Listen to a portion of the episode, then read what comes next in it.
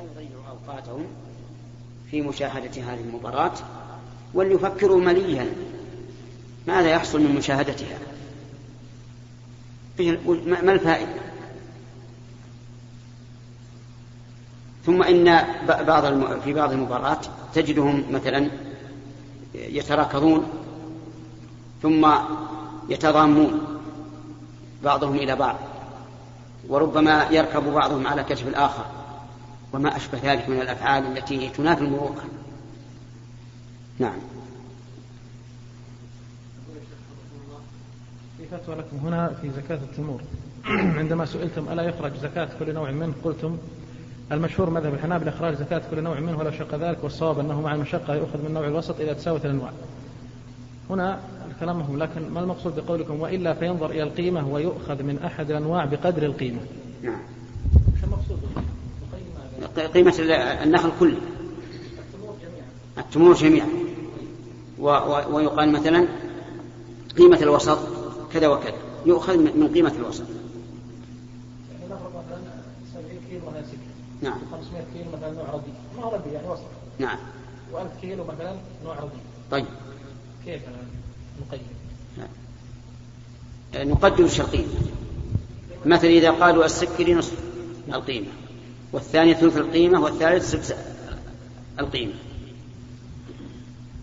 نضم بعضها إلى بعض ونخرج إما نصف العشر أو العشر حسب الواجب. من الوسط. من الوسط. وإذا شئت شيئا آخر فقدر القيمة عموما. قدر القيمة عموما. ثم أخرج من القيمة نصف العشر أو أو العشر وهذا وهذا سهل. من القيمة كلها. لا أخ... إن أردت تخرجها تمر فانظري إلى الوسط. وإن أردت تخرجها دراهم وهو الذي نراه أولى في الوقت الحاضر لأن الناس يحبون الدراهم أكثر من التمر. فأخرج من من الدراهم. نعم. فضيلة الشيخ. نعم. في صلى أحدهم صلاة رباعية فبعد الركعة الأولى جلس للتشهد ثم جلس بعد الثانية ولم يسبح أحد ما حكم الصلاة؟ يعني جلس مرتين. ناسيا ليس عليه شيء. الصلاة صحيحة. لكن يجب عليه أن يسجد للسهو بعد السلام. لأن هذا السهو عن زيادة. والسهو إذا كان عن زيادة فإن سجوده يكون بعد السلام. لأن النبي صلى الله عليه وسلم لما سهى فسلم من ركعتين من الظهر أو العصر ثم ذكروه وأتم الصلاة ثم سجد بعد السلام. ولما صلى مرة صلى خمسا الظهر. فلما سلم أخبر بأنه زاد فثنى رجليه وسجد سجدتين. التشهد مرة ثانية. كيف؟ ما حكم سجود جلوس للتشهد مرة ثانية. في, مك... في مكان لا بأس. هو ناسي ما تعمد. هذا الجلوس معفو عنه الأول. الجلوس الأول الذي سهى فيه معفو عنه لكن لما كان هذا الجلوس يغير هيئة الصلاة أمر بأن يسجد سجدتين تجبر الصلاة. بسم الله الرحمن الرحيم. فضيلة الشيخ يقوم بعض الأشخاص باستخراج فيزا. تكلفه تقريبا 3000 ريال. ثم يقوم ببيعها بحوالي من 8 إلى 10000 على شخص آخر يجلب ليحضر أخوه هذا الشخص. فما الحكم في ذلك؟ أولا أخبر إخوانك ما معنى الفيزا. حق العمال يا شيخ. تأشيرة. إلى الآن ما ما ما وصلنا إلى إلى فهمه.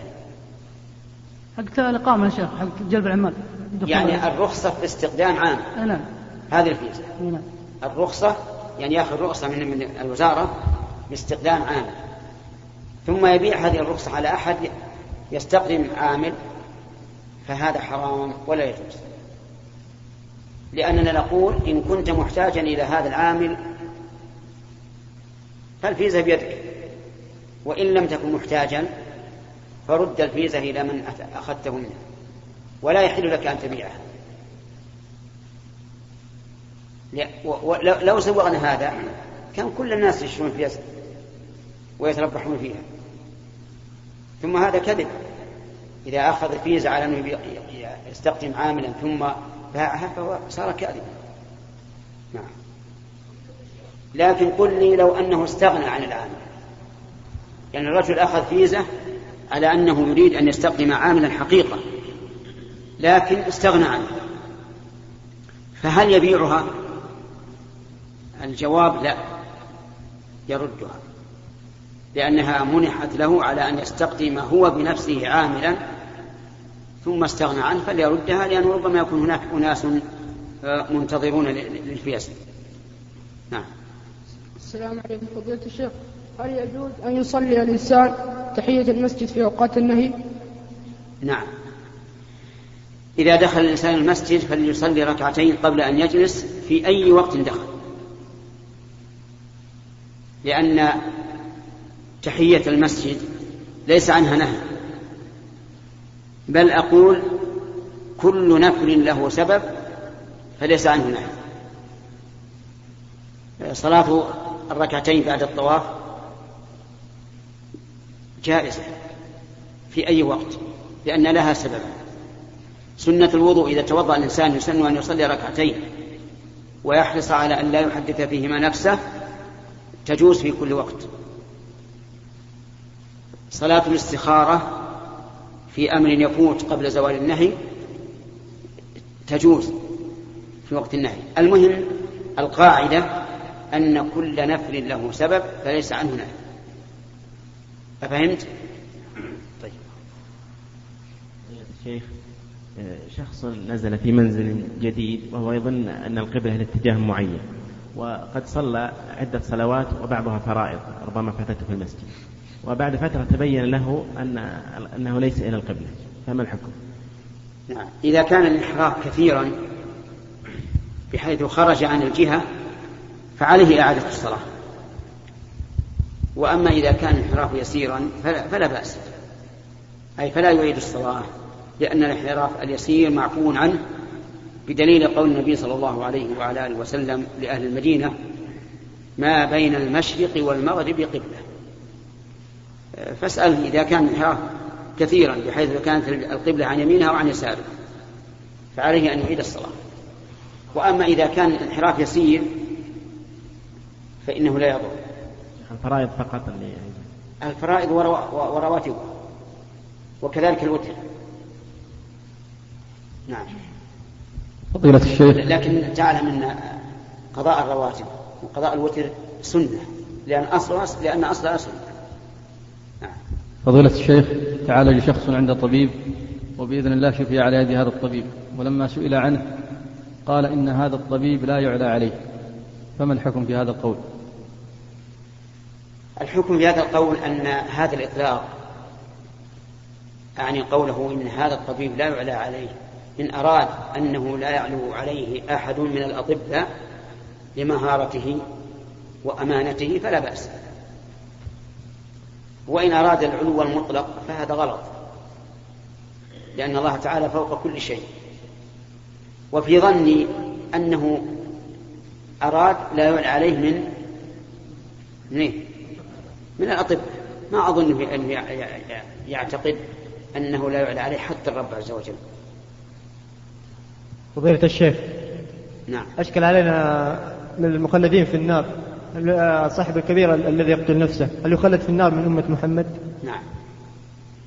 أخبر النبي صلى الله عليه وسلم أن من قتل نفسه بحديدة أو سم فإنه يعذب به في نار جهنم خالدا مخلدا. نسأل الله العافية. وهذا قاله على سبيل الزجر. لأن قتله نفسه أعظم قتل يكون. إذ أن الإنسان يجب عليه أن يدافع عن نفسه أكثر مما, يدافع عن غيره. فكيف إذا انتهك حرمتها هو بنفسه؟ فإنه يكون أشد إثما. ويكون المراد بقوله صلى الله عليه وسلم خالدا مخلدا المبالغة في زجره. وهي تشبه قول الله تعالى ومن قول الله تعالى ومن يقتل مؤمنا متعمدا فجزاؤه جهنم خالدا فيها وغضب الله عليه ولعنه وأعد له عذابا عظيما. ومن هنا يتبين أن ما يفعله الانتحاريون في بعض الجهات من كونه يلبس أشياء مهلكة قنابل أو غيرها ويكون هو أول من يموت بها يدخل في هذا الوعيد وأنهم آثمون ومخطئون خطأ عظيما لكن نظرا لكونهم جهالا وكونهم متأولين نرجو أن لا يشملهم هذا الوعيد إنما يجب علينا أن نبين للناس أن هذا عمل غير صالح بل هو محرم. والعجب أن بعض الناس يستدل على هذا العمل المحرم الذي هو من كبائر الذنوب. بحديث البراء بن مالك رضي الله عنه حينما حاصروا حديقة مسيلمة الكذاب وكان الباب مغلقا فطلب من أصحابه أن يلقوه من وراء الجدار ليفتح له. ففعلوا ففتح لهم ودخلوا الحديقة. استدل بهذه القصة على جواز الانتحار. فهل في هذا دليل؟ ليس فيه دليل. لأن البراء بن مالك بقي حيا. وهذا الذي ينتحر يكون ميتا مئة بالمئة. أما البراء بن مالك فهو ما قتل نفسه. صحيح أنه خاطر لكن في احتمال أن لا, أن لا يقتل. وهذا هو الواقع. لم يقتل. ونظير قصة البراء بن مالك أن يدخل أحد بشجاعة بين صفوف الكفار ويقتل من على يمينه وشماله. لكن في احتمال أن ينجو. أما المنتحر فإنه لا احتمال لنجاته. ولهذا يجب علينا أن لا نشجع هذا وأن لا نحبذه بل نحذر منه. نعم. جزاك الله خير. بالنسبة للجمع في المطر بعض الأئمة يجمعون آه، والمطر خفيف. فكيف على المأموم يصلي يعني خلفهم؟ نعم. إذا إذا جمع الإمام بدون سبب. فإن كان الإنسان فإن كان المأموم يرجو أن يجد جماعة في الوقت وقت العشاء فليصلي معهم وينويها نافلة لئلا يشق على عصا الناس ويختلف الناس ويتنازعون وإن كان لا يرجو أن يجد جماعة فليصليها فرضا وتجزئه لأن الجمع من أجل إدراك الجماعة جائز فهمت؟ نعم. وإن كان في مساجد ثانية قريبة يقدر يصلي. يصلي معه نافلة ويصلي هناك فرض لا أبدا. نعم. إذا كان يرجو أن يجد جماعة في وقت العشاء. في مسجد ثاني. في مسجد ثاني. نعم. ينويها نافلة ويصلي إذا دخل الوقت مع الآخرين.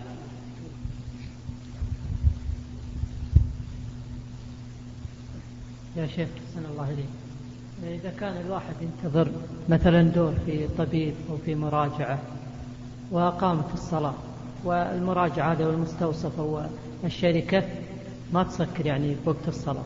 وهو ينتظر دوره مثلا صار له ساعة ونص ساعة. فإذا راح الصلاة يمكن يفوت الدور. يعني يؤثر عليه.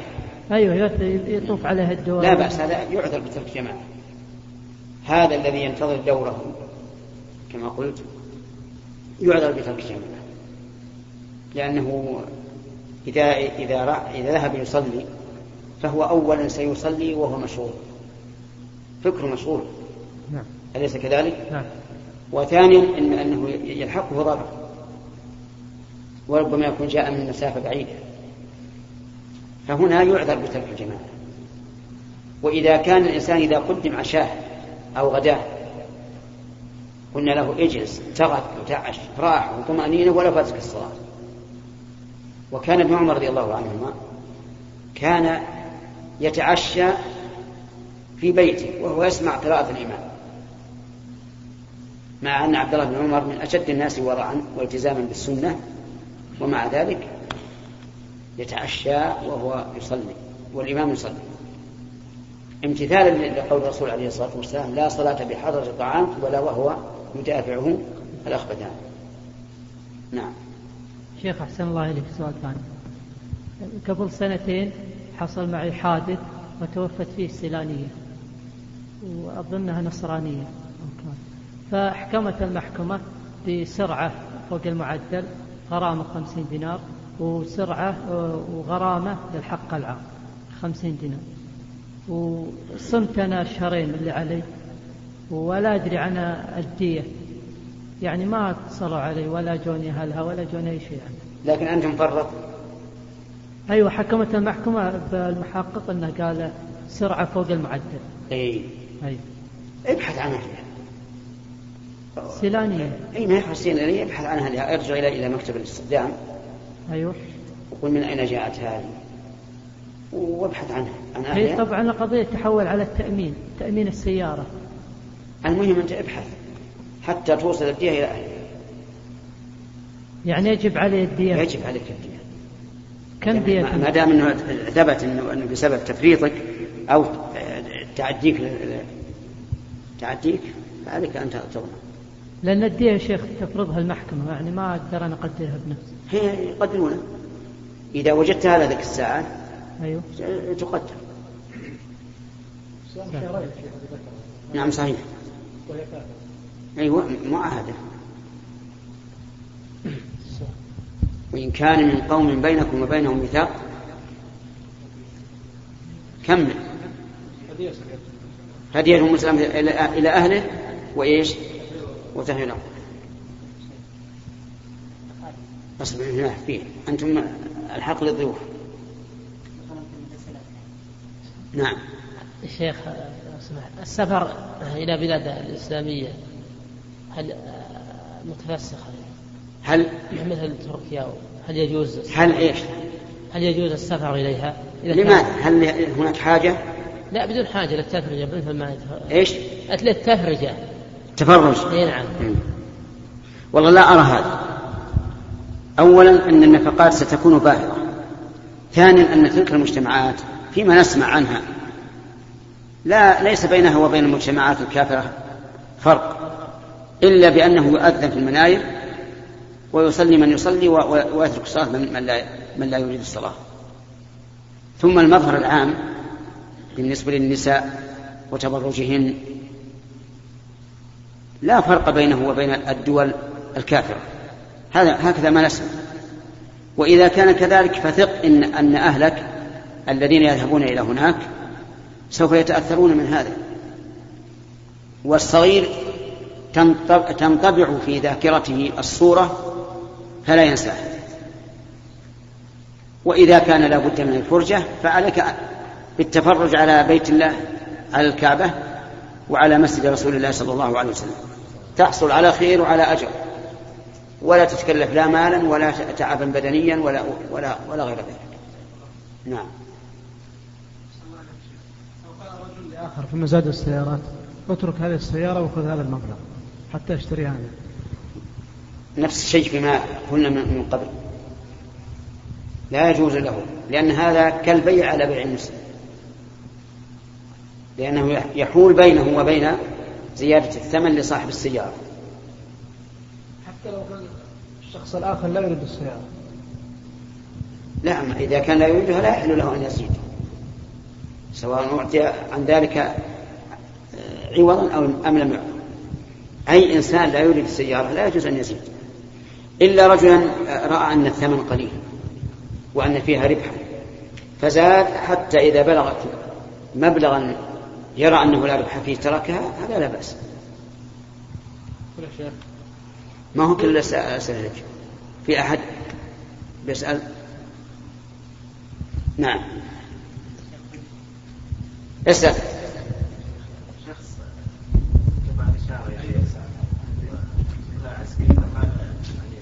إيش؟ إشارة المرور نعم. ومسكه المرور يعني وقال له يعني إنه لماذا قطعت الإشارة شيء فحلف أنه ما قطعها يا شيخ لاحظ ما قطعها؟ هي ينجو من الغرامة يا شيخ. إيش حكمها؟ هل عليها كفارة ولا؟ لا ما في كفارة. اليمين على شيء ماضي ما فيها كفارة. لكن إما إثم إن كان كاذبا وإلا سلامة إذا كان صادقا. هو يعني قطعها بس حتى يعني أنا بخبرك قاعدة ينتفع بها. كل يمين على شيء ماضي فيه ما فيها كفارة. لو قلت والله ما جاء فلان وهو جائي فليس عليك كفارة. هذه القاعدة افهمها. هذا الرجل يقول والله ما قطعتها شيء مضى. فنقول ليس عليه كفارة لكن إما آثم إن كان كاذبا وإما سالم. وفي هذه الصورة التي ذكرت يكون آثما. لأنه حلف أنه ما قطعه وهو قاطع. ثم إنه في هذه المناسبة أود أن أنصح إخواننا السائقين وغيرهم عن قطع إشارة المرور لأنها معصية. فإن هذه الإشارات إنما نصبت بأمر من, من ولي الأمر. والعلامة الحمراء يعني قف. فإذا أمرك ولي الأمر أن تقف وجب عليك أن تقف. فإذا خالفت فأنت عاصم حتى لو فرضنا أن الخط ما فيه أحد. فإنه لا يحل لك. بل تبقى حتى تعطيك الإشارة المبيحة للتجاوز نعم. ما نعطي هذا واحد. آخر سؤال. شيخ بالنسبة لاتخاذ المصحف سترة. في المسجد خصوصا إذا كانت الأعمدة بعيدة عن الشخص في مكان صلاته أو جدار هل في إهانة للمصحف أو يجوز نعم. أولا بارك الله فيك يجب أن تعلم أن السترة غير واجبة. هي سنة ما هي واجبة. فلا حاجة إلى أن نتكلم. إلى هذا الحد. وثانيا لا يجوز أن تجعل المصحف سترة لك لأن هذا استخدام للمصحف في غير ما ما وضع له. المصحف يجب أن الإنسان يحترمه ويعظمه. مثل ذلك فيما نرى هؤلاء الذين إذا زهمت عليهم وصار فيه انتظار آه، سجلوا قرآن هذا لا نراه أبدا. أن يكون يستخدم في الانتظار.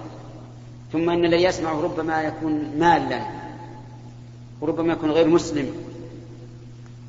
فلذلك إذا أردت انتظار اجعل سجل حكمة من الحكم أو ما أشبه ذلك. أو خله يسكت حتى يتصل. وإلى هنا ينتهي هذا اللقاء وإلى لقاء آخر إن شاء الله في مثل هذا اليوم. نسأل الله يرزقنا وإياكم العلم النافع والعمل الصالح.